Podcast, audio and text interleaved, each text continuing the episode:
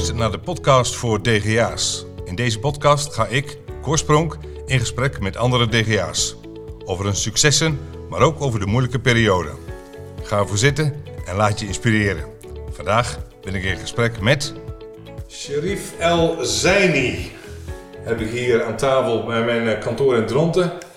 Sherif, we kennen elkaar van uh, Mastermatch, waar we allebei uh, een accountje hebben genomen een paar maanden geleden. De doorwerkgever kwam nog even voorbij, waar we samen wat connecties hadden. Ik als ambassadeur en jij wellicht als klant, maar daar kunnen we misschien wel over hebben in deze podcast. Hartelijk welkom hier in Dronten. Dankjewel. Um, net ge, met jou gehad, je bent 32 jaar. Ja. Woont in Amsterdam. Amstelveen. Amstelveen. Ja. um, je half, hoor ik net, half Nederlands, half Egyptisch. Ja. Dus vandaar de naam, ik kon hem even niet helemaal goed thuisbrengen. Uh, getrouwd. Ja. Um, kinderen. Twee. Twee. Ja. Dochters, zonen. Twee zonen. Twee zonen. Vier en één. Kijk, hobby's. Ik zag op Facebook voorbij komen en je vertelde net wat het was. Ik dacht dat judo was, maar het Braziliaanse jiu-jitsu. Jiu-jitsu, ja. Jiu-jitsu. Ben je er goed in? Nee, ik ben er pas twee jaar mee bezig. En als je ooit een zwarte band wil, moet je tussen de 10 en 15 jaar ben je ermee, uh, moet je oefenen. Dus uh, ik doe het fanatiek, maar ik ben nog lang niet. Ja. Oké, okay, helemaal goed. Waar, doe je dat sport? Om, om uh, af te reageren? Ja, ik vind sporten belangrijk. Ik vind het uh, goed om te bewegen. Maar ik denk dat dit ook een sport is die um, anders is dan andere sporten. Omdat het een, een zelfverdedigingssport is, maar ook een, een nadenksport. Het is niet brute kracht, het is juist op leverage. Um, verder is het goed voor je zelfvertrouwen, maar je ontmoet ook heel veel mensen. Dus er komen heel veel verschillende soorten mensen op deze sport af. Van heel hoog opgeleid tot heel beroemd, tot, tot een stratenmaker en een, en een komiek en noem maar op. Dus het is leuk. En, ja, maar ik dacht even, ja, met die, met die car drivers zul je misschien, als je dan mensen aan je auto krijgt, zul je misschien goed kunnen verdedigen. Ja. Hadden, hadden dus niks mee. Nee, heb ik nog nooit nodig gehad, nee. Okay. even nog een paar weetjes. Heb je een favoriete voetbalclub? Um, nee. nee, ik volg geen voetbal, maar als ik moet kiezen is het voor Ajax. Ajax, ja. ja. Amstelveen, Ajax. Ja. Muziek? Um, ook niet. Ik, ik luister bijna geen muziek. Luister geen muziek. Ja. Uh, auto? Auto. Ik, ik, ik vind, um, ik hou van Duitse merken. Dus dan, dan denk ik aan BMW, Mercedes. Ja. En wat rij je zelf? Franse merken. Franse merken? Oh, Sherif toch? Ja, excuus. Een Peugeot? Peugeot 508. Lees je boeken? Ja. ja. Wat voor ja. boeken zijn dat? Van alles. Ik hou van uh, zelfontwikkelingsboeken. Dus uh, persoonlijke ontwikkeling bedoel ik. Um, ik vind Mark Tichelaar vind ik heel, heel tof. Ben Tichelaar. Mark. Mark Tichelaar. Ja. Mark. Ben Is Tichelaar. van? Ik weet niet of ze familie zijn. Volgens mij schrijf je de achternaam ook iets anders. Oké, okay, dat zal niet. Um, maar Mark is, is vooral gefocust, of hij schrijft boeken over focus en over het brein. Uh, op een heel makkelijke manier, maar ook heel praktisch. Dus uh, ik zit hier nu bijvoorbeeld met een dingetje in mijn hand. Uh, ja. Het is gewoon om me beter te kunnen concentreren tijdens een gesprek. Kijk eens aan. Dus, nou, dan heb je een USB-stickje in de hand. Ja. Dus als je iemand met een USB-stickje in de hand ziet, dan is dat om te, wellicht ja. om te concentreren. En luister je wel eens podcast dan? Ja, ja heel veel. Ja. Ik vind de psychologie, psychologie van succes vind ik heel leuk. Van, uh, van Tony Loorbach en uh, Albert Sonneveld. Um, Groeivoer podcast luister ik de laatste tijd. Um, misschien dat is iemand hier uit Kampen, volgens mij? Ja, volgens mij wel, ja. ja, ja. Um, misschien binnenkort jouw podcast. Wie weet. Die komt, uh, die nou, komt zeker als jij in de uitzending bent, zul je zeker luisteren. Um, tegen wie kijk je op? Ik, ik kijk niet echt tegen um, personen op, maar meer tegen dingen die ze doen. Dus het is niet een persoon die, waarvan ik zeg, nou super top, die doet alles goed. Maar de dingen die ze doen vind ik wel heel interessant. Maar als ik toch moet kiezen, bijvoorbeeld een, een Nederlandse ondernemer is de, de oprichter van, uh, van Picnic. Vind ik heel cool. Um, hoe de manier hoe hij dingen verkoopt en hoe hij in bepaalde markten stapt. Uh, altijd met anderen samen en, en, het zo, groot maakt. Vind ik heel inspirerend. Dus dat is iemand die... Uh... Ja, mooi. Um, dan heb ik de vraag uit wat voor nest kom je? Dat is dan zoals ze zegt dat ja. op de Veluwe, hè? Dat nest kom je. Wat, Wat, wat deden je ouders en wat voor, heb je broers, zussen? Ja, nee, ik ben enigst kind. Ik ben ook, ehm, ik hou van rust. Dus uh, dat komt misschien daardoor, omdat ik nooit broers en zussen om me heen heb gehad. Ehm, mijn ouders waren hardwerkend en redelijk sociaal. Dus uh, altijd goed zorgen voor anderen. Uh, misschien meer dan voor zichzelf. Um, maar ja, ook wel erg hardwerkend. Dat is wat, ik me, wat me bij is gebleven en nog steeds. Dus uh, ook al zijn ze ziek, dan gaan ze gewoon naar hun werk, niet zeuren. Um, dat zijn dingen die ik ook mee heb gekregen. Dus ja. En jouw zijn ondernemers? Nee, nee, mijn vader is wel, heeft wel ooit een, een snackbar gehad. Uh, en een, een, een, slagerij volgens mij. Um, maar die is daar naar de zorg ingegaan. De zorg voor een, een, een, huis met, met gehandicapte mensen op oudere leeftijd. Daar is hij voor gaan zorgen. En mijn moeder die uh, werkt ook in de zorg. ook oudere mensen. Dus dat zit er wel bij ons in, dat je zorgt voor oudere mensen. Ja. ja. ja. Oh, bijzonder. Ja, toch? Nou, misschien wel leuk om eens te kijken wat dat nog voor jouw ondernemerschap betekent. De, ja. de, de lessen die je daaruit geleerd hebt, die je nog steeds misschien daaruit leert. Ja. Um, even, misschien dat, hè, wat voor nest kom je dan het begin? Ik heb gezien, je hebt VWO gedaan en Ja. daarna uh, ben je bij de, uh, uh, bij de VU heb je Bachelor IBA gedaan, een in Entrepreneurship en daarna heb je de Master Transport en Supply Chain Management. Ja. Wat helpt met name die laatste studie? Dan moet je eerst vertellen hè, wat voor bedrijf je nu hebt. Laten Ja. we dat doen, dan gaan we daarna nog even op de studie terugkomen. Dat is goed. In, eh, want ik, eh, ik las en ik hoorde iets, je was de, door een leraar had tegen jou gezegd, ja, die vroeg aan jou, wat wil je worden? Waarop Ja. je zei, ik wil graag de directeur worden van Unilever. Unilever. Ja. En toen zei hij, eh, waarschijnlijk misschien wat meerwaardig tegen jou, nou Sherif, dat kun jij vast niet. Dat Ja. zal de boodschap geweest zijn. Ja. En toen dacht jij, ik zal het laten zien Ja. wat ik kan. Ja, klopt. En wat gebeurde er toen? Wat, wat, wat gebeurde zou ik zeggen, de weken erna? Ja.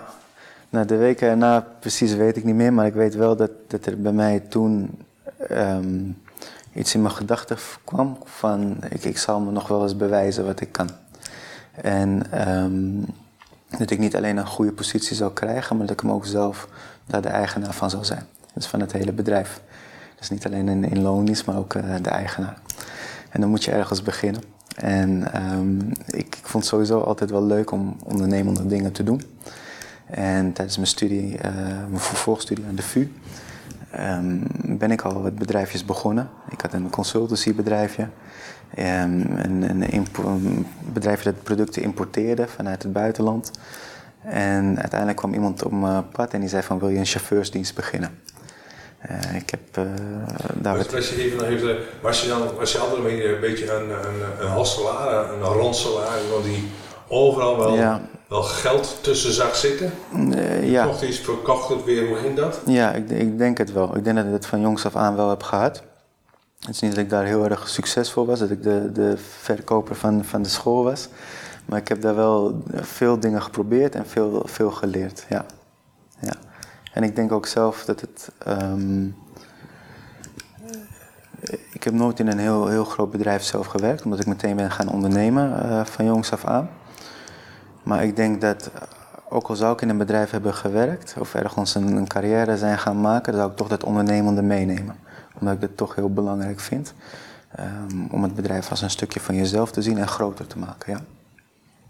Goed, je was 19 en toen kwam je in die car drivers wereld, zeg maar. Hoe eh, Ja. ging dat? Ja, nou, iemand komt met het idee chauffeursdienst en eh, wil je, uh, had hij wat ideeën over, wil je erover meedenken en misschien meedoen? En toen zei ik, ik wil wel meedoen, Eh, maar ik heb zelf geen rijbewijs, dus we gaan chauffeurs gewoon inhuren. En we kennen heel veel studenten, dus dat worden onze chauffeurs. En dan gaan we gewoon onze eerste klanten zoeken en dan kijken hoe dat, eh, hoe dat gaat. En dat ging heel goed. Onze eerste klanten die we binnenhaalden zaten volgens mij in de, in de private equity. Die hadden meteen een heel netwerk van eh, relaties mee. En ehm, ja, toen stonden we bekend als de jongens die, eh, die chauffeurs eh, konden regelen. En wat was? Je was toen met, met twee andere mensen? Ja, we zijn, ik heb er zelf nog iemand bij gehaald. Dus de jongen die naar me toe kwam, plus nog een andere jongen. We zijn met z'n drieën begonnen. Wat is dan een beetje jouw rol als, in die drie? Welke, welke rol pak jij dan op? Ben jij, de verkoper of ben je de administrateur aan de achterkant of ben je de...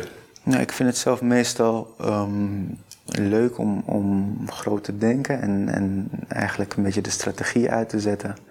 Ik ben niet een, een hele ehm, typische verkoper, maar ik kan wel mijn producten goed verkopen als, het uh, nodig is. Ja. Ik kan heel creatief denken om uh, op een creatieve manier mijn producten aan, het, aan, de, aan de man te brengen. Um, en ik denk een beetje het overzicht houden. Structuur, zorgen dat er dingen gedaan worden. zorgen dat er stappen gezet worden, dat er niet te lang blij, getreuzeld blijft worden. Ja. En dat is mijn rol. Die andere twee die je toen, die Ja. toen eentje had je zelf gevraagd en één had jou gevraagd. Ja. Wat hadden die van, van een rolverdeling tussen jullie drie? De ene die studeerde accountancy. Dus die had meer een, een, rol qua, qua cijfers en, en, de belastingaangifte deed hij als eerste. En ehm, de ander, eh, die was ook wel, wel goed in marketing, herinner ik me nog. Ehm, en dat was een hele, hele ja, slimme en sociale jongen. Dus die konden we gewoon goed gebruiken. eh, ja, en die, Was dat de verkoper? De echte, ehm, was die vooral aan de voorkant, zeg maar? Nee, ik denk dat we in het begin dat al gewoon. eh, we zijn gewoon als, als beginners begonnen, dus heel veel fouten gemaakt. Maar ik denk dat we in het begin allemaal van alles deden. Dus die, die jongen die, die is, eh, waar ik het net over had, die. ehm, ja, die, die, eh, die, die reed ook, want die had wel een rijbewijs. En eh, tijdens het rijden verkoop je dan weer de diensten. Dus dan deed hij inderdaad een stukje verkoop. Maar aan de andere kant dacht hij ook over Google AdWords en over eh, andere soorten van, van marketing. Dus op die manier. Ja. Ja. En die jongens zijn uiteindelijk zijn ze, niet heel lang bij het bedrijf gebleven. Dus, Maar hoe hadden jullie toen al? Hadden jullie een BV ingericht met elkaar of een Nee, VOF? Of VOF. Ja. Was het drie eenmanszaakjes die met elkaar samenwerken? ja, nee, een VOF was het. Ja. En Oké, maar hoe lang hebben jullie op papier samengewerkt? ik denk dat die, die, ehm, de accountant die, eh, die is tot 2009, 2010 gebleven. En we zijn in 2007 begonnen, dus dat is twee, tweeënhalf jaar. Ja. En die andere jongen die is al, is al eerder weg. Dus die was na anderhalf jaar al, eh, al gestopt. En ja, op die manier. En op 2010 zat ik in mijn scriptiejaar. Toen ehm, dacht ik eraan om, om eh, even wat tijd eh, even ermee te stoppen. Om, eh, om een scriptie goed af te kunnen, kunnen maken. Ja. En ik had ooit iemand ontmoet in, in Egypte toevallig, op vakantie. En die reed voor mij en die had wel interesse om, om in te stappen. Het is mijn huidige partner nog steeds. Oké, maar even nog even terug, Serif, naar, naar je zegt na anderhalf jaar stapt die een eruit en na, Ja. na drie jaar, tweeënhalf, drie jaar de andere. Ehm, ik heb ook al af en toe eens eh, compagnons toegelaten en later weer moeten uitkopen. Ja, Hoe ging het toen bij jullie? Heeft dat, heeft dat pijn gedaan? Heeft dat uiteindelijk vriendschappen gekost? nee. Ehm, Nee, ik denk omdat heb we... jij ervoor betaald hè? dat je ze uit, Ja. uit ging kopen? Nee, ook niet. Heb je dat op een andere manier gedaan?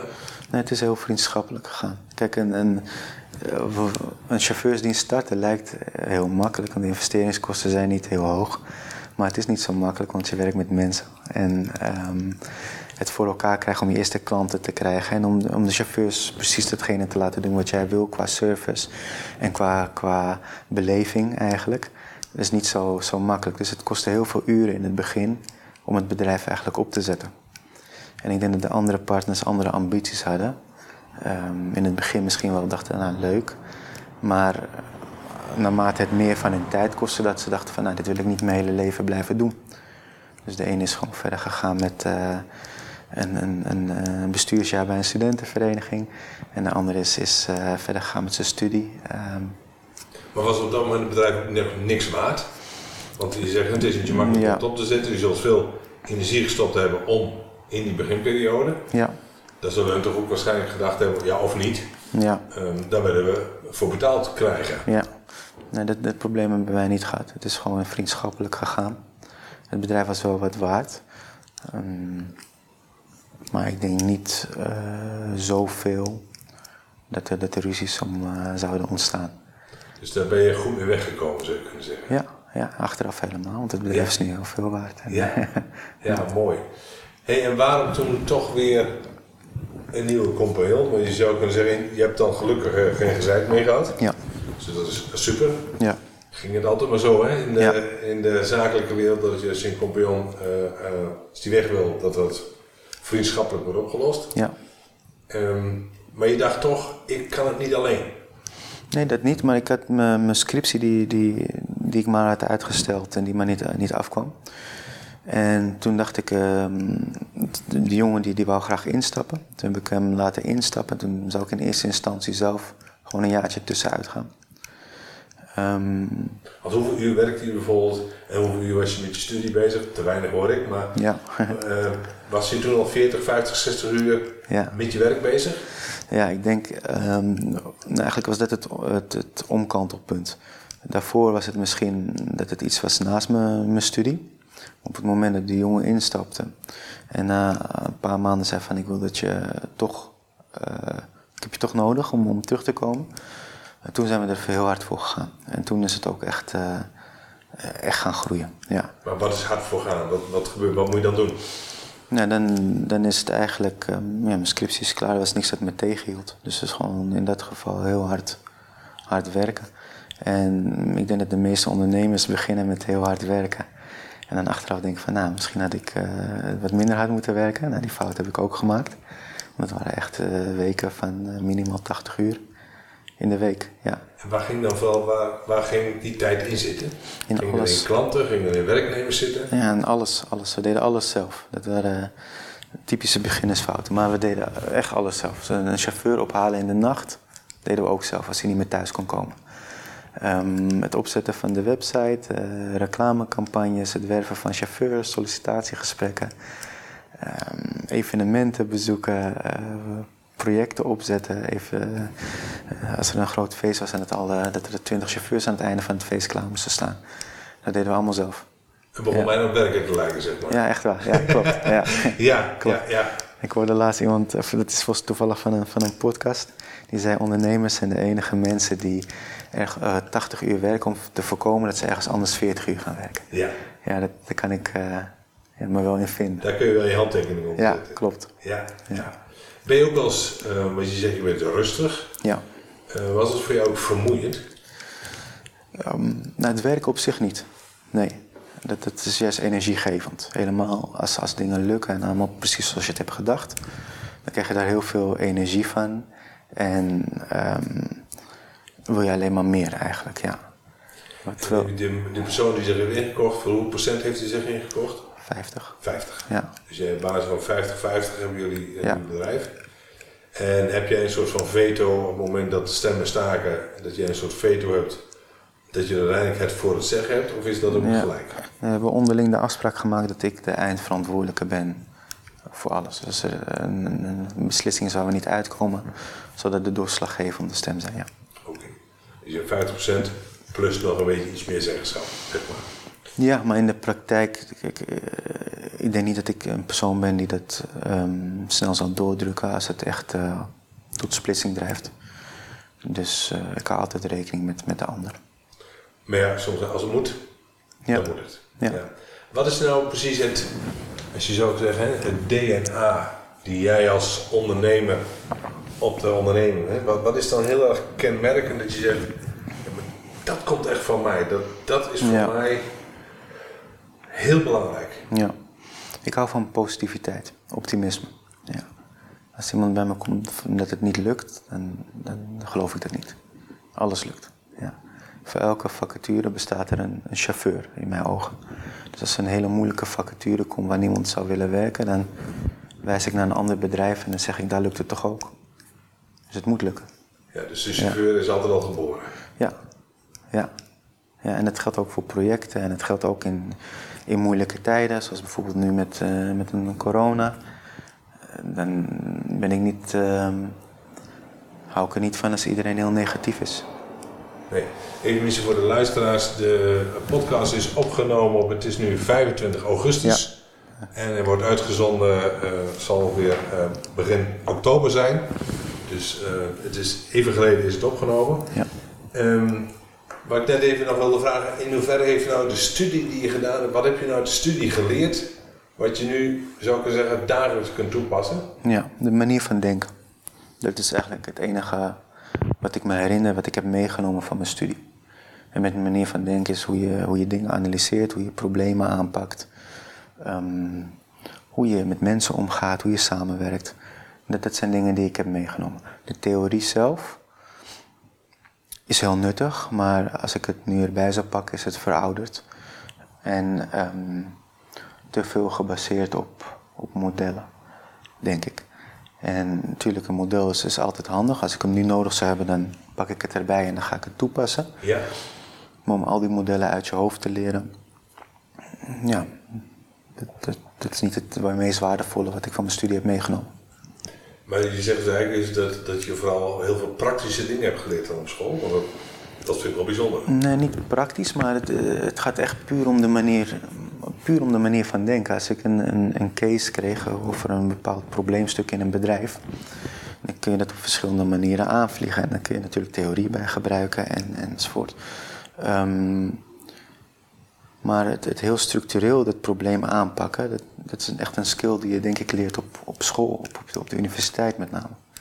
Ehm, ja, als ik, als ik het zo bekijk, is dat hetgene wat ik heb meegenomen. Ik ken van mijn, van mijn supply chain management zit vol met afkortingen. Allerlei modellen, een ERP1 en een ERP en een, een zo'n-model. Ja. Daar heb ik nooit iets mee gedaan, nee. Oké, ik, uh, ik zei net, het is de, de zevende podcast eh, die ik, uh, die ik opneem. Um, en heel veel ondernemers zijn wel kenmerkend, die hebben vaak geen opleiding gehad. Hè. Die zijn ja. vroeg van school gegaan omdat ze ergens handel in zagen of ze zagen ergens brood in en, Ja. en dat soort zaken. Je hebt inderdaad dan, dan wel, uh, je zou zeggen, misschien niet voor ondernemer geleerd, maar je hebt wel geleerd. Ja. Wat is dan voor jou, wat zeg jij dan, is dan juist die manier van denken die jou nu helpt in je ondernemerschap? Of zeg jij eigenlijk is het op het moment dat we zijn gaan ondernemen, vanaf dat moment is eigenlijk is het leren begonnen? Nou, um, een combinatie van. Kijk, op het moment dat ik ging ondernemen, merkte ik dat ik heel veel, um, heel snel groeide. In dingen, uh, dingen doen, uh, dus praktische vaardigheden, maar ook Ja. in, in, in denken, dingen aanpakken, problemen oplossen enzovoort. Um, maar naarmate je blijft ondernemen en dat blijft doen, dan uh, wordt het een soort van trucje, zeg maar. Dat je, dat je elke keer uitvoert. En dan komt die manier van denken en, en het, het, het, het analyseren, dat komt dan van pas, wat je hebt geleerd. Want dat kan je dan nog een stapje hoger brengen, denk ik, dan dat je het, als je het gewoon maar gaat doen. Oké. Okay. Um, even over die, uh, over die chauffeurs. Um, zijn, zijn het allemaal ZZP'ers of zijn het allemaal mensen die bij je in dienst zijn? Ik heb ze op de payroll, de meeste. En uh, dat houdt in dat ze als freelancer bij me werken. Op een nul uren contract beginnen ze. En naarmate ze langer werken, krijgen ze meer vastigheid. En hoe doe je nou de selectie? Hè? Heb je, moeten ze een video maken? Want ik kan me voorstellen dat je een soort van, je wilt jouw DNA erop leggen. Ja. Ze moeten een bepaalde standaard hebben van omgangsvormen, kan ja. ik me voorstellen. Dat vond ik wel apart. Hoe weet je als 19-jarige, wat een directeur van 50 jaar, ja. wat die belangrijk vindt in een chauffeur? Hoe, hoe, hoe ja. kwam je daarachter? Was dat ja. door schade en schande? Of? Ja, ja, ja. Want ik denk dat als je jong bent, dat, dat je veel gegund wordt. En dat een directeur het ook wel leuk vindt om met een heel jong persoon uh, iets bij te brengen. En daar maakten we volop gebruik van.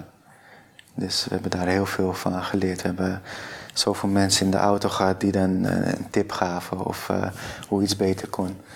Um, en ja, de, de, compagnon die reed dan uh, mee. Dus die kon dan ook nog kijken wat er, uh, wat er goed ging en wat er minder goed ging. Ja. En uiteindelijk hebben we zo um, ja, dat, dat geperfectioneerd. En ik denk dat het, de service die we daar leverden, was, was van zo'n hoog niveau. Dat, um, ja, dat we daar wel trots op mogen zijn en dat we, het ook, dat we het ook meenemen in al onze andere diensten die we daarna zijn gaan ontwikkelen. Ja, nou, daar kom ik straks nog wel inderdaad ja. op terug. Maar stel, er komt nu, er belt iemand je op en die zegt... Uh, meneer Lazini, ik wil wel chauffeur worden. Ja. Wat is dan... Een beetje, je hoeft niet al je geheime prijs te geven natuurlijk, hè, maar wat is dan een beetje... Door welke molen gaan ze dan heen? Ja, dan gaan ze... Um, het proces is over in de loop van de tijd wat veranderd, omdat we nu wat meer op andere diensten zitten. Maar als iemand als privéchauffeur bij me kwam werken... Uh, dan gingen daar heel veel uh, stappen aan vooraf. Dus je krijgt gewoon een algemene check, dus cv, een telefonische check. Hoe, spreekt diegene, hoe sociaal is diegene? En dan moest hij bij ons op kantoor komen en dan had hij een, een route gekregen die hij moest voorbereiden. En dan moest hij die gaan rijden met een, luxe auto. En dan letten we op alle punten die we hadden geleerd in de afgelopen tijd. Uh, gingen we op letten. Uh, hij heeft een prettige rijstijl. Uh, houdt hij op de juiste momenten zijn mond en weet hij wanneer hij vragen kan stellen. Um, is de route goed voorbereid? Heeft hij het tot in de details voorbereid? Dus ook waar hij moet parkeren, wat als er geen parkeerplek is, waar laat hij de klant uitstappen? En ik denk dat het meestal, uh, als, ik als een chauffeur binnenkwam lopen en dan in de eerste vijf minuten wist je al of het iemand was die bij mijn bedrijf past. Want dan zag je al dat hij op, op bepaalde dingen lette, een bepaalde houding had, een bepaalde uitstraling. Ja, dat, dat is, voor ons was dat heel belangrijk. En dan als je eenmaal aangenomen was, mocht je niet meteen voor de directeur rijden. Dan ga je eerst andere dingen doen. Ja. Dus dan kan het of zijn chauffeurs ophalen met een auto van ons.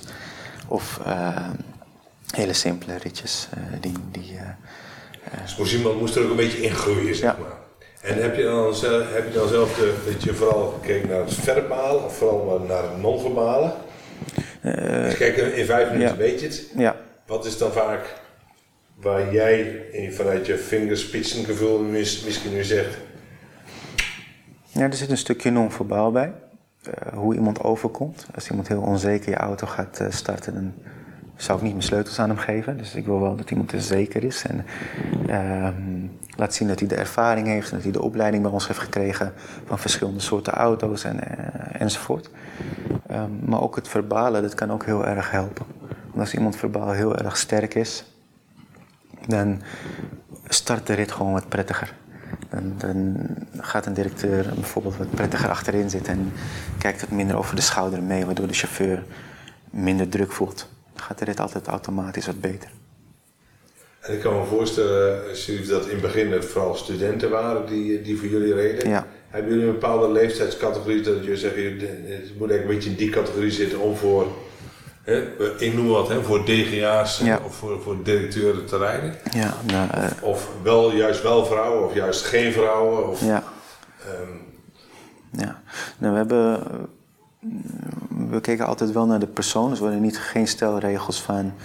Het moet zo en zo persoon zijn. Als je daar niet aan voldeed, dan, dan is het helemaal afgeschreven. Maar de ervaring leerde wel dat een chauffeur van 23 jaar en ouder... gewoon meer rijervaring heeft. Beter de auto's kon besturen. En, en wat volwassener was in zijn gedachten. Dus dan kon je ook vaak wel wat aan overlaten. Uh, als iemand s'avonds moest op, uh, ophalen, dan wist je dat het goed voorbereid was. Um, en bij wat jongere jongens was het misschien wat minder goed voorbereid. Maar niet altijd, er waren ook heel veel uitzonderingen. En die jongens die hebben het ook, uh, ook jonge jongens die, die het heel goed hebben gedaan. Ja. Heb je als mensen moeten teleurstellen? Die, dat, die, dat je zegt, nou, jij bent niet goed genoeg? Ja, tuurlijk, ja. Ja. Word je ook wel eens beticht van discriminatie? Mm. Nee. Nee. Nee. Meestal, nee, meestal.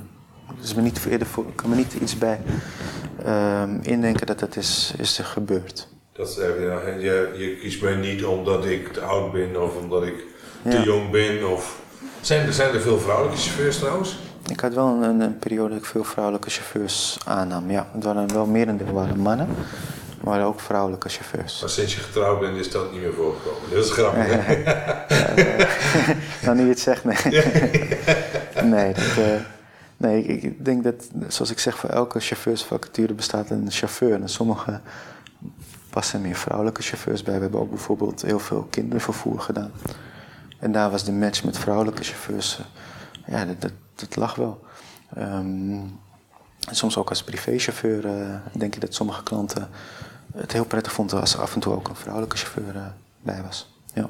Is zeker bij de privéchauffeurs is uiteindelijk kwam ieder, iedere chauffeur uiteindelijk langs jouw bureau, ook toen jullie groeiden, ja. langs jouw bureau voordat hij werd aangenomen?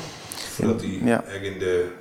In het begin wel. In het begin kon dat nog tot we zo groot werden dat ik daar de tijd niet meer voor had om, om ze allemaal uh, te spreken. Maar ik vond het in het begin heel belangrijk dat ik alle chauffeurs kende. Uh, ik, met name de eerste lichtingchauffeurs, zeg maar de eerste groep. Met sommigen heb ik nog steeds contact, dus die spreek ik nog steeds. Uh, die zitten allemaal, allemaal verschillende soorten bedrijven over de hele wereld. Maar het is nog steeds leuk om contact met ze, met ze te onderhouden. En die zag ik en die haalde ik soms s'nachts op zelf. En uh, als ze een lange dienst hadden, gingen we samen lunchen of eten daarna. Dus op die manier. Ja. Um, ik begreep dat je inmiddels uh, wat, uh, of wat, hè, dat je kantoorstaf hebt. Hoe groot is je, je ja. op kantoor nu? Het kantoor is niet zo heel groot. We zitten tussen de vier en zes personen op kantoor. Um, en de pool van chauffeurs die regelmatig wordt ingezet, zeg maar de pool van inzetbare chauffeurs is 300. Maar hoe kun je 300 mensen kennen? Ja, nee, dat gaat dus nu niet meer. Daarom in het begin kende ik iedereen. Ja. En nu is dat niet meer het geval. Ja. Dus je nu een, Persoonlijk dan, hè? Ja, Als je nu een barbecue hebt, dan zul je inderdaad uh, zul je de namen niet meer weten. Dus, uh. Nee, niet allemaal. Nee. nee. En hoe is dat met klanten? Klanten... Hoeveel procent van de klanten die het bedrijf nu heeft, kent Sherif nog? Nou, de, de, klanten waar we ons nu op focussen, denk ik allemaal. Dat zijn wat grotere klanten en ander soort klant. Van de privéchauffeurs was er ook een hele grote groep die mij, uh, mij kende. Maar ook daar, naarmate we groter werden, werd het steeds wat minder. En um, er zullen vast nog wel wat klanten zijn die me, die me kennen. En ik heb ook wat contact met, uh, met klanten. Ja. Is dat een apart wereldje, die, die, die weer de, de, directeur of, of eigenaar die een chauffeur nodig hebben? Nee, ik denk niet. Is het een bepaald type klant? Ja, nee, niet per se. Het is een beetje het beeld van wat je vaak in films ziet. Dus uh, een hele rijke meneer met een Rolls Royce en een chauffeur en een, uh, die alles voor hem doet. Maar um, het kan ook gewoon heel praktisch zijn. En dan kan een advocaat een chauffeur gebruiken die een heel hoog uurloon heeft en in de auto even wil doorwerken. Uh, dan haalt hij zijn uurloon zo wel, verdient hij zo mee terug.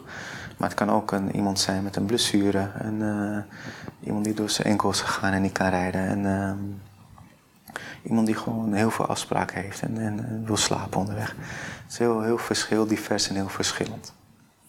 Dus zijn niet vooral de corporates, zou maar zeggen, die het inhuren. Dat, kan, dat is heel, heel divers. Ja, die zitten er ook tussen. Ja, ja we hebben heel veel uh, beursgenoteerde bedrijven waar wij de chauffeurs aan mochten leveren. En, en dan heb je wat drukkere mensen. Ja, ja. ja. Had je uiteindelijk, werd het op een gegeven moment voor jou. Um, verslavend? Of zeg je, het werd op een gegeven moment voor mij een beetje saai om, uh, om zelf die intake te doen? Doe je nu wel dagelijks nog wel zelf intakes? Nee, nee. Het, het, het, werd niet saai, maar ik, ik denk dat op een gegeven moment, en dat, uh, dat leer je als je onderneemt, zeg maar, het is gewoon een leerproces. Dan ga je leren dat je niet alles zelf kan. Dat er andere mensen zijn die het beter kunnen. Nou, wacht even. Niemand kan het toch zo goed als jij? Nou, ik denk sommige dingen wel. ja, ja. Chauffeurs aannemen bijvoorbeeld. Ik, ik, uh, ik heb de neiging om chauffeurs aan te nemen die uh, heel veel op mij lijken. ja. Dus uh, een beetje rustig zijn en uh, soms heb je wel wat andere mensen nodig. Dus ik denk dat andere mensen die er meer ervaring in hebben en die dat op een andere manier bekijken, dat het veel beter kunnen. Maar neem je dan wel zo jouw, jouw DNA wel goed genoeg mee? Ja, want ze zijn onderdeel van, van ons bedrijf. En het is het, eh, de, de, DNA die we, die we uitstralen naar de rest. Ja. ja. ja. Nou, mooi. Dus als, je, als je nu kijkt, die zes, uh, vier tot zes mensen op kantoor, ja. deel van zal daar een soort van recruiter zijn en klantcontact en misschien een deel uh, back-office om, ja. om op papieren zoals ik in een voorgesprek vertelde, ik kom uit de uitzendbranche. Ja. Ik weet op een gegeven moment dat er enorm veel papier, enorm veel administratieve druk was om, uh, om er allemaal rond te krijgen. Ja. Um, hoe, hoe, hoe, ging je daarmee om? Had je daar goede systemen voor? Of, of ja, nee, heb je dat ook moeten leren? We hebben dit meteen uitbesteed vanaf het begin. We hebben een back-office partij genomen die... Uh, dus die payroll in, ja. voor jullie, uh, voor jullie doet. Die dan ook het stukje risico overnam. Ja. Um, en daar ben ik wel blij mee dat ik dat heb gedaan, ja. En is, dat, is, daar, is, daar, is er veel concurrentie? Op chauffeursvak? Ja. Mm, ja, er is, er is veel concurrentie. Um, Maar aan de andere kant ook weer niet. Ik denk dat ik het enige bedrijf ben dat eh, zich specialiseert op chauffeurs. Dus echt op de, op de niche-markt chauffeurs. Ja. En uitzendbureau is ook een concurrent, die zou ook chauffeurs kunnen leveren. Ja. Maar die is niet gespecialiseerd in ons, eh, onze branche. Die neemt niet die ervaring en de kennis mee die ik van mijn klanten heb. Ehm, dus op dat punt zie ik ze niet echt als, als een concurrent. En er zijn natuurlijk ook heel veel privéchauffeurbedrijven die alleen maar privéchauffeurs leveren. Ja, dat is, op dat vlak dus concurreren ze misschien met een paar diensten van mij. Maar die hebben weer de andere diensten niet. Nee. Oké. Dan ben ik wel een beetje benieuwd naar van jou, Sherif. En Jij zegt dus eigenlijk, tenminste als ik het goed begrijp, zeg je... We doen chauffeurs, dus er zijn mensen die hebben rijbewijs B of C, of misschien C en E zelfs, of ook D, ik weet niet ook de touringcar-chauffeurs doet. Maar jouw toegevoegde waarde is eigenlijk het, het, het stukje service, dus, dus ehm, hospitality of hè, hoe je het maar Ja. wil noemen. Hoe doe je dat nou als je bijvoorbeeld in, een- je, je komt iemand in, in een gesprek, hoe pak je dat nu? Je zei net als een chauffeur die gaat anders en die laten we eentje rijden Ja. en die kan dat soort dingen tonen. Maar hoe, hoe, hoe, hoe, hoe, hoe prikkel je dit? Dat, dat stukje extra? Nou, ik denk door gewoon het, het goede voorbeeld te geven en het in, het in al je processen door te voeren. Vanaf het moment dat de klant ons belt tot en met dat hij uitstapt, daar zit een gedachte achter. Het moment dat hij belt is een bepaalde eh, gesprek. Je moet je klanten kennen als hij belt. Het moet niet zijn dat hij als een vreemde behandeld wordt bijvoorbeeld. Dat vind ik belangrijk. Dus daar train ik de mensen van kantoor op. Op het moment dat hij bestelt, eh, moet hij niet elke keer al zijn gegevens moeten opgeven. Dus dat vind ik belangrijk. Dus daar werken we ook aan. Op het moment dat hij dan eh, besteld heeft, wil hij niet in onzekerheid zitten van komt de chauffeur wel. Dus daar werk je ook aan. Dan zorg je dat hij van tevoren een berichtje krijgt dat de chauffeur onderweg is en dat hij klaar staat. En dus al die kleine dingetjes bij elkaar die zorgen ervoor dat de klant een beleving krijgt. En de chauffeur neem je daarin ook mee. Je schrijft handleidingen en je geeft hem trainingen. En je doet het voor. En ehm, je laat ze van elkaar leren. Dus je zet ervaren chauffeurs met wat minder ervaren chauffeurs bij evenementen. Op die manier. En zo krijg je steeds een beter product. En als je hele bedrijf in het teken staat van die service, dan nemen je mensen dat ook wel over. En als ze dat niet doen, dan kun je ze corrigeren of dan passen ze je niet bij je bedrijf. En wat heel, ehm, misschien voor de, voor de luisteraar, om het wat te verduidelijken. Wij zijn ooit begonnen met privéchauffeurs. En dat zijn we gaan uitbreiden. Dus uiteindelijk hadden we tien diensten. eh, allemaal gerelateerd aan een ch- chauffeur leveren. Maar die wel anders waren. Dus dan kon je denken aan valetparking, bijvoorbeeld bij Schiphol. Ehm we doen de shuttle services, kindervervoer. En dan bezorgchauffeurs, bijvoorbeeld het leveren van bezorgchauffeurs aan horeca groothandels. En elke tak heeft zijn eigen ehm, soort chauffeur. En een bezorgchauffeur is heel anders dan een privéchauffeur. Maar het stukje service is wel overkoepelend. Dus de service die ik lever aan mijn klanten die een privéchauffeur nodig hebben, zo'n soort service, probeer ik ook te leveren bij de bezorg horeca groothandel bijvoorbeeld. Ehm, in de vorm van. Kan dat? Ik sprak Ja. afgelopen week sprak ik met een ondernemer die had een paar Albert Heijn. Ja, En zei, daar komen klanten en hij had ook een paar horecazaken en daar komen gasten. ja, Dus voor de ene is- hè, zijn het klanten, en de andere zijn het gasten. ja. En vanuit die dienstverlening willen ze wel graag in, maar hij zegt, het, op zich het gaat niet samen. In hoeverre conflicteert dat bij jullie, dat, dat die privéchauffeur als die op een vrachtwagen komt, ja. ja, dan heeft hij geen chauffeur waar die de deur, of geen klant waar Ja. die de deur voor open hoeft te houden. Klopt. Ehm, en die vent die op die vrachtwagen zit, kun je misschien heel moeilijk als privéchauffeur Ja. inzetten. Klopt. Het kan wel de ene kant op, niet de andere kant op. Nee, dit kan, kan wel. Als ik zelf kijk naar mijn definitie van service, dan is het gewoon voldoen aan de eh, verwachtingen van de klant en misschien daar bovenop nog iets, iets zetten. En ehm, een klant die een privéchauffeur neemt, die heeft andere verwachtingen van de chauffeur dan een, een horeca groothandel. Maar het is nog steeds dat ik hem service kan leveren. En door heel goed ehm, daarop in te spelen, kun je dus die verwachtingen overtreffen. En kun je ook bij die horeca groothandel, ook als je daar een privéchauffeur zou inzetten, kun je nog steeds service leveren. Nee, dat- kan ik me voorstellen. Die privéchauffeur die op de horeca, maar andersom. Die man die op de vrachtwagen normaal, zou ik zeggen, overal eh, twee kisten aardappels aflevert. Nee, nee, maar die zou niet geselecteerd worden voor een privéchauffeur, omdat hij goed is in hetgene wat hij al doet. En dat is natuurlijk het leveren van, van spullen. En daar kan hij, hoeft hij geen deur open te halen voor, uh, voor de klant, maar hij kan wel die spullen tot in de keuken leveren. En hij kan wel bijvoorbeeld de klant waarvoor hij rijdt, um, die bedrijfscultuur uh, uitstralen. Zodat als iemand in die bus kijkt en denkt van, oh, dat moet een chauffeur zijn van dat bedrijf. En het is niet iemand die aan het roken is met harde muziek en um, midden op de dam gaat parkeren bijvoorbeeld, omdat hij uh, even ergens moet leveren. Ja, ja. Een stukje service. Ja. Zijn dat de dingen, zou ik zeggen, waar je heel erg dan ook op, want je zegt we trainen daarop. Kun je Ja. een voorbeeld van hoe gaat dat? Nou, we hebben elke chauffeur, eh, als hij aangenomen wordt, wordt hij ingewerkt bij een klant. Nou, dat, dat zit al een stukje training bij. Er zijn handleidingen.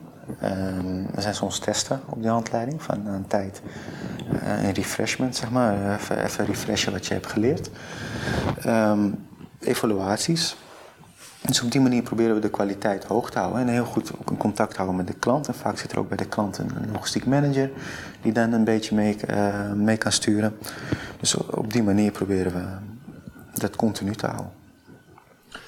Is er, je vertelde net, de, de, de privéchauffeurs, nu heb je allerlei andere diensten die je Ja. die aanbiedt. Ehm, is er veel concurrentie in die takken van sport of, of is er een overschot aan chauffeurs? Nee, er is, eh, er is altijd een tekort aan, aan chauffeurs. Dus ehm, zelfs nu nog. Het ge- in corona hebben we, zijn we door blijven werven. Dus hebben we wel hele goede chauffeurs uit de markt kunnen halen. Maar nog steeds is er voor sommige functies is het moeilijk om een chauffeur te vinden. Dat is niet, niet makkelijk.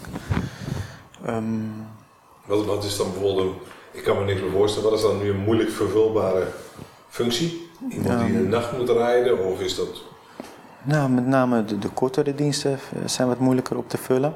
Ook C-rijbewijs. De, wij focussen ons op dit moment voornamelijk op B-rijbewijs, maar we hebben ook klanten die C-chauffeurs nodig hebben. En dat doen we voor die klanten wel. Ja, Ik heb C-rijbewijs, dus eh, wie hartstikke weet... goed. eh, ja, Laten we ja. over praten. Ja, Nou, de- dus, dus dat, dus, eh, ja, die- daar is een, een tekort aan. En ehm, ja, dan, moet je extra je best doen om dat... Is dan met name bijvoorbeeld dat je nu, ik heb wel eens gehoord dat er heel veel Poolse chauffeurs zijn, dat je nu juist vanuit, vanuit die service die je daarin kunt onderscheiden. En wordt ervoor betaald? Ja, ja, ja. Voor, voor C-rijbewijschauffeurs wordt wel betaald. Ja, over het algemeen wel. Oké, en juist dan omdat het dan bijvoorbeeld Nederlands sprekend is en juist dan omdat ze dat stukje service erbij kunnen leveren? Bijvoorbeeld, ja. Ja, kijk, C-rijbewijs is niet mijn specialiteit, omdat ik me vooral focus op B-rijbewijs. Maar eh, daar zou ook gelden van, eh, als, een, als ik een C-rijbewijschauffeur zou leveren, dan komt dat stukje service er ook weer bij.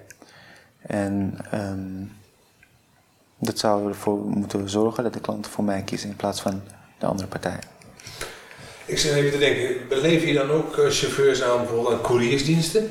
Ja.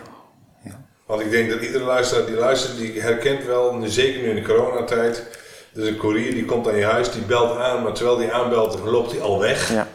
Eh, want hij hoeft niet meer een handtekening voor zijn pakketje te hebben. Ja. Als je geluk hebt, staat hij voor de deur, of is hij bij de buur afgeleverd, of je moet maar hopen dat hij ergens is. Ja. Ik heb soms gewoon pakketjes, ja, die zijn dan, dan krijg ik een mailtje dat ze zijn afgeleverd, maar ze zijn niet afgeleverd. ja. Daar is, daar is qua service en qua kwaliteit echt nog wel volgens mij heel veel te winnen. Wat, wat, doet jou, wat doe jij eraan? Als, hè, wat- wat zijn jouw ideeën erbij als, bij als DGA om daar het verschil te maken? Ja, nee, het is bewust. Kijk, eh, de markt is, is heel groot en ik heb me bewust nog niet op deze markt gefocust. Ik heb wel klanten waar ik het aan lever, maar ik heb me nog niet op de, op de pakketdiensten gefocust. Oh, want daar is service nodig. Ja, klopt. Ze hebben je nodig, Sheriff. Klopt. Ja, Ja, nee, maar het is. ehm, het, stukje, het stukje service, dat zijn, dat er zijn dingen waar ik me aan kan irriteren. En dat zijn heel veel. Als ondernemer heb je dat vaak. Als je ergens binnenkomt, denk je, nou, dit kan beter, dit kan beter. En als ik zo'n pakketbezorger zie, heb ik dat ook. Dan denk ik, ja, dat, wat is dit nou? Weet je, dat, eh, Ja. dat zou kun, kun je daar een business case van maken of is die, is die markt uitgeknepen? En die markt is, is, ehm, is zo groot dat als je het heel goed wil, wil doen, ehm, gaat niet alleen via mijn bedrijf eh, lukken. Dus die partijen hebben.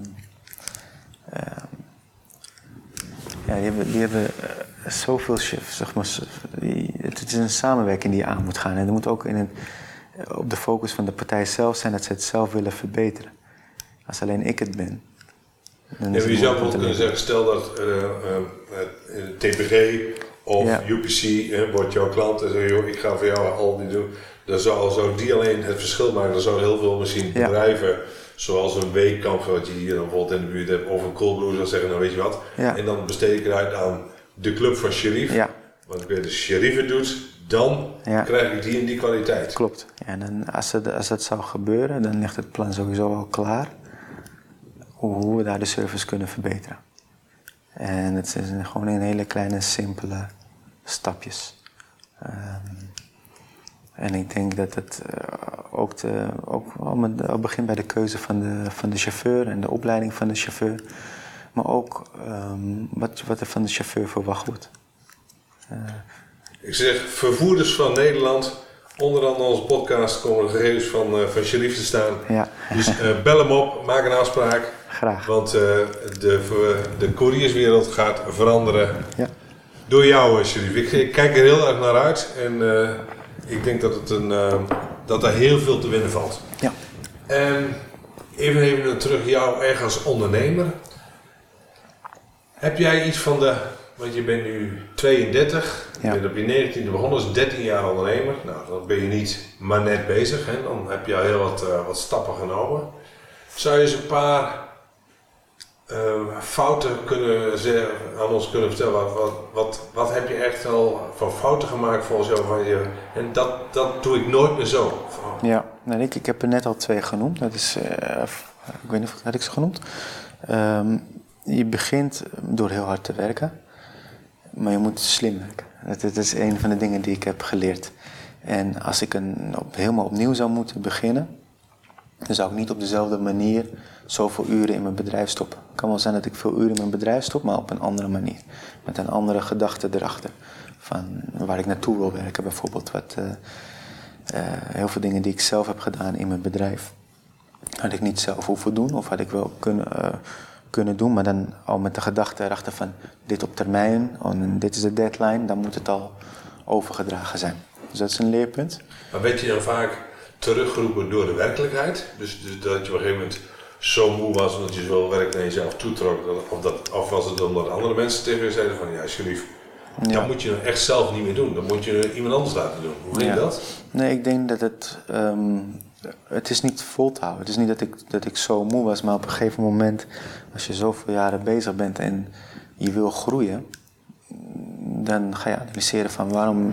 We zijn altijd wel mooi gegroeid met mooie cijfers. Maar je gaat ook analyseren waar kon het beter en waarom is het niet gelukt. En dat kan zijn bijvoorbeeld omdat ik de tijd er niet voor had. Waarom is dat nieuwe project niet opgestart? Omdat ik de tijd er niet voor had. Ja, en als je dat dan ziet en dan een paar keer eh, terugziet, dan is dat een leerpunt. Dan denk ik bij mezelf van ja, dat, dat zou ik nooit meer, nooit meer zo doen. Ook qua, ik denk dat het, ehm, eh, je gezondheid is heel erg belangrijk eh, als ondernemer, zeg maar. Dus als jij heel erg goed in je vel zit en uitgeslapen bent, dan presteer je gewoon veel beter. Als je 80 uur werkt, betekent niet dat je heel erg betrokken bent, maar denk dat je misschien inefficiënt bent. Dat is de, de conclusie die ik, die ik zou kunnen trekken. Ja, was dan vanuit jou, vanuit je ouders vroeger, was het dan zo dat je dat hard werken beloond werd? En dat je Ja. later achter bent gekomen, ja, maar eigenlijk is slim werken misschien veel Ja. verstandiger? Ja, ik denk wel eh, ehm, dat, dat, dat ik de gedachte had dat hard werken gewoon moet. Op een gegeven moment ben je er een beetje trots op van, ah, ik, ik, ik, ik draai wel zulke weken. Maar achteraf gezien ah, is het niet iets om trots op te zijn. Het is meer van, het zou heel anders kunnen en dan had je nog sneller kunnen groeien. Ja. Dus dat Zou je, zou je kunnen zeggen dat eigenlijk al die ervaringen misschien uiteindelijk wel goed waren? Die zijn, ik zei vorige week, die zijn opgestapeld in Ja. je buik. En die leveren uiteindelijk nu jouw onderbuikgevoel. Als je Ja. nu een onderbuikgevoel hebt, dan is dat op basis van alle ervaringen die je Ja. tot dan toe zelf hebt opgebouwd. zeker weten. Door schade en schande. Ja. Het maakt dat je nu weet, oh nu moet ik, mijn onderbuikgevoel zegt, dit moet ik wel doen of dit moet ik niet doen. Ja, Je zou ook zeggen, dus zonder al die ervaringen zou je nu minder onderbuikgevoel eh, hebben. ja, misschien wel. Ja, soms moet je, moet je de fouten maken om ervan te leren. Alleen het kan zijn dat, ehm, dat als anderen die fouten al hebben gemaakt, dat je er ook van kan leren. Wat, had je, wat was er bijvoorbeeld zo'n fout waarvan je denkt van ja, had ik dat gewoon maar wel, had ik dat maar eerder, had ik daar maar eerder over gehoord of had ik dat maar eerder Ja. geweten? Misschien een stukje ehm, door blijven leren. In, in de zin van, ik heb een hoge studie genoten. En als je dan net klaar bent met je studie en je hebt een onderneming, dan wil je, eh, voelt het echt heel erg goed. Dus je krijgt heel veel energie. Je leert ontzettend veel. En als je je studiegenoten tegenkomt die niet zijn gaan ondernemen, heb je het gevoel van, nou, ik, ik heb al veel meer stappen gezet. Maar als je diezelfde studiegenoten nu zou tegenkomen en die bijvoorbeeld bij een groot bedrijf zijn gaan werken en zich gaan focussen op een onderwerp en al die cursussen daar zijn blijven volgen enzovoort, dan merk je wel dat, dat zij ook stappen hebben gezet en misschien wat langere aanloop hadden, maar daarna wel heel snel gaan, gaan groeien op hun punt. En ik denk als ik terugkijk en ehm, Vergelijk je dat met elkaar? Vergelijk jij je maar naar met oude studiegenoten en onder het kopje hij of zij doet het beter of slechter dan mij? Is dat iets wat meet je het? Is het nee, ik, ik meet het niet. eh, nee, ik denk niet dat ik me, mezelf vergelijk met, met hun. Het is meer Als jullie dat doen, allemaal. Je vergelijkt op een of andere manier. Nee, maar ik, ik heb wel eh, bewondering voor bepaalde dingen. Dat vind ik eh, anders dan dat ik mezelf vergelijk van oh, hun zijn beter. Of, nee, ik, heb er bewondering voor als iemand heel erg goed is geworden, bijvoorbeeld. Of nu op een heel hoge positie zit bij een heel groot bedrijf. Nou, dat heeft hij knap gedaan. Hoe heeft hij dat gedaan? Wat kan ik daarvan leren? En het stukje zelf leren, dat zou ook kunnen zijn bijvoorbeeld van... als ondernemer ben je elke dag bezig met de dagelijkse dingen. Maar je moet ook alvast investeren in jezelf, in je eigen ontwikkeling. Dus eh, ook, dit kan zijn in de vorm van cursussen, boeken lezen, eh podcasts luisteren... maar ook gewoon eh, met andere ondernemers dingen oppakken en, en van elkaar leren. En dat stukje, ja, daar moet je tijd voor maken en dat moet je structureel doen... En ik denk dat dat ook een leerpunt is voor mij. Ik denk dat dat, Ja, want wanneer ben je daarmee begonnen? Ben je daar bijvoorbeeld drie jaar geleden achter gekomen en dacht van, oh jongens, ik ben eigenlijk een beetje stil blijven staan, ik moet dat weer oppakken? ja, ja, ongeveer, eh, even kijken. Ik denk zo'n twee jaar geleden, toen al eh, in mijn gedachten kwam van... hé, hey, wat doe ik nou voor me, aan mezelf? En ik denk dat het heel erg heeft geholpen dat vanaf het moment dat ik zo ben gaan denken... En zelfs nu nog, ook in het begin van dit jaar bijvoorbeeld, had ik een gesprek met iemand over bepaalde ehm, dingen over mezelf, dus, dus over talenten en, en dergelijke. En het, het helpt nog steeds. En het helpt om mijn bedrijf beter te maken ehm, en meer te laten groeien dan dat ik eh, zou kunnen als ik dat niet doe. Zo'n gevoel heb ik daarbij. Ja. En ik zie meer kansen erdoor. Het geeft een goed gevoel, een energiek gevoel. Ja. Wat zou je bijvoorbeeld nu tegen, want ik heb laatst eens een, eh, een, kleine poll op eh, LinkedIn gezet, hoeveel mensen nu nog leren, hè? dus Ja. dat aspect, hoe we leren. Nou, dan zeiden mensen, eh, eh, ik geloof dat er, denk 60% zei, we leren gewoon de praktijk. Ja, Eh 10% zei, ik lees boeken. ja, Eh, 10% zei, ik, ik luister naar podcasts. Wat zou je, en dan zag je wel met name wat ouderen, hè? ik eh, zie mezelf dan ook als een oudere. Ja. Ik had voordat ik met deze podcast eh, opnemen begon, heb ik zo af en toe een keer naar een podcast van Business News Radio geluisterd, maar voor de rest Ja. eigenlijk niet. Wat zou je tegen oudere ondernemers willen zeggen? ja. Want ik denk dat ook heel veel oudere ondernemers maar teren op dat wat ze elke dag in de praktijk leren. ja. Maar misschien wel minder openstaan voor weer nieuwe ideeën. Of, Ja. ehm, en wat ze misschien zeker in deze coronatijd misschien wel duur komt te staan, omdat ze in één keer de markt verandert, in één keer de wereld verandert. ja. En ehm, misschien niet meer zo open stonden voor nieuwe dingen te leren. Klopt. Ik, ik denk niet dat ik, ik, eh, dat ik in de positie ben om oudere ondernemers te adviseren. Dat ben je 100% wel. ja. Ik, ik, zou, ik denk dat het iets ondernemers eigen is, is om niet alles voor waar aan te nemen, ook als het gezegd wordt. Dus dat geldt voor ehm, adviezen die ik krijg, die volg ik niet standaard op. Het geldt voor kennis die ik krijg, neem ik niet standaard aan. En methodes, bijvoorbeeld dingen die ik zie bij andere bedrijven, neem ik ook niet standaard aan van nou, dat, dat zal zo zijn. En ik denk dat als je dat doet, dat je dan ehm, eh, soms tot de conclusie komt dat dingen die je, hoe je dat nu doet, dat het niet de meest efficiënte manier is. En als ondernemers zijn, dan wil je dat juist wel. Dus dan zou het mak, of als je dat beseft en als je dat doorhebt, dan zou het een makkelijkere stap moeten zijn om toch tot verandering te komen. Ja, nou heb jij een compagnon, hè? Ja. Ehm, ik hoor best wel heel vaak dat ondernemers die, hè, die alleen DGA zijn, jij Ja. jullie zijn met z'n tweeën, dat die ehm, nou, een bepaalde eenzaamheid hebben, omdat ze misschien sommigen thuis van er ook niet over kunnen spreken, omdat de partner Ja. bijvoorbeeld niet een ondernemer type is. Misschien niet met ouders over kunnen spreken, niet, misschien niet met vrienden, omdat geen van de vrienden ondernemer zijn. Ja. Hoeveel tijd besteed jij samen met jouw andere DGA om over het bedrijf, bijvoorbeeld over visie en over de toekomst te spreken? Ja. Ehm, ik denk, eh, we zijn eigenlijk sinds corona, dus sinds de, de lockdown, zijn we dat een beetje gaan structureren. En dat kwam omdat we eh, elkaar best wel vaak bellen, ook buiten werktijden om. Van ik heb weer een idee en ik heb weer hierover nagedacht en ik heb dit. En ehm, eh, we hebben onderling afgesproken van dat, dat, zou, dat kost energie natuurlijk, want je wil meteen ermee aan de slag, maar soms komen ook dingen dan niet gedaan. Eh, laten we dat structureren tot één keer in de week. En dan één keer in de week gewoon vast en dan spreken we over dit soort zaken. En de rest van de week is eh, de noodzakelijke dingen en de, ehm, de zaken die gedaan, op die dag gedaan moeten worden bijvoorbeeld. Of, eh, Dus één keer in de week hebben jullie directieoverleg, zo we het dan kunnen zeggen. ja. Is die andere persoon, is, doet die de, de dagelijkse, ehm, eh, heeft hij de dagelijkse leiding? Ja. Dus die zit op kantoor en die zit er constant bovenop, zeg maar. ja, hij is heel praktisch. Dus we worden wel eens eh, de, de denker en de doener genoemd. Ik ben dan de denker Ja. en hij is de doener. Dus hij is meer praktisch. Dus als we met een, eh, een, een, een visie, een van onze belangrijkste kernwaarden is bijvoorbeeld groei in het bedrijf. Dus ons bedrijf moet groeien, we moeten persoonlijk groeien. Chauffeurs moeten groeien, klanten moeten door ons groeien. Eh, nou, dat is een idee. En dan dat schrijf ik dan door naar hem en dan maken we een plannetje mee. En dan schrijft hij dat weer door naar de rest van het, eh, van het bedrijf. Eh zorgt hij dat het eh, steeds naar voren komt, groei. Ja.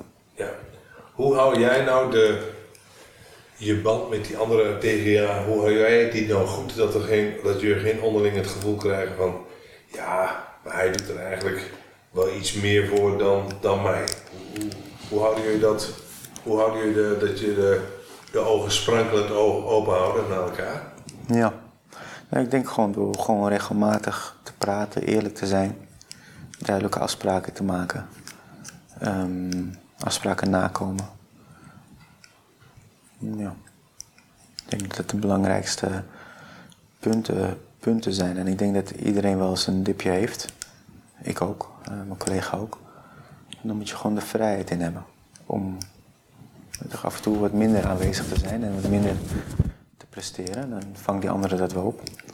En aan de andere kant, als, als de andere periode het wat, wat drukker heeft, of, dan vang ik dat weer op. Ja. Hebben jullie eh, allebei dan gewoon niet zo'n groot ego?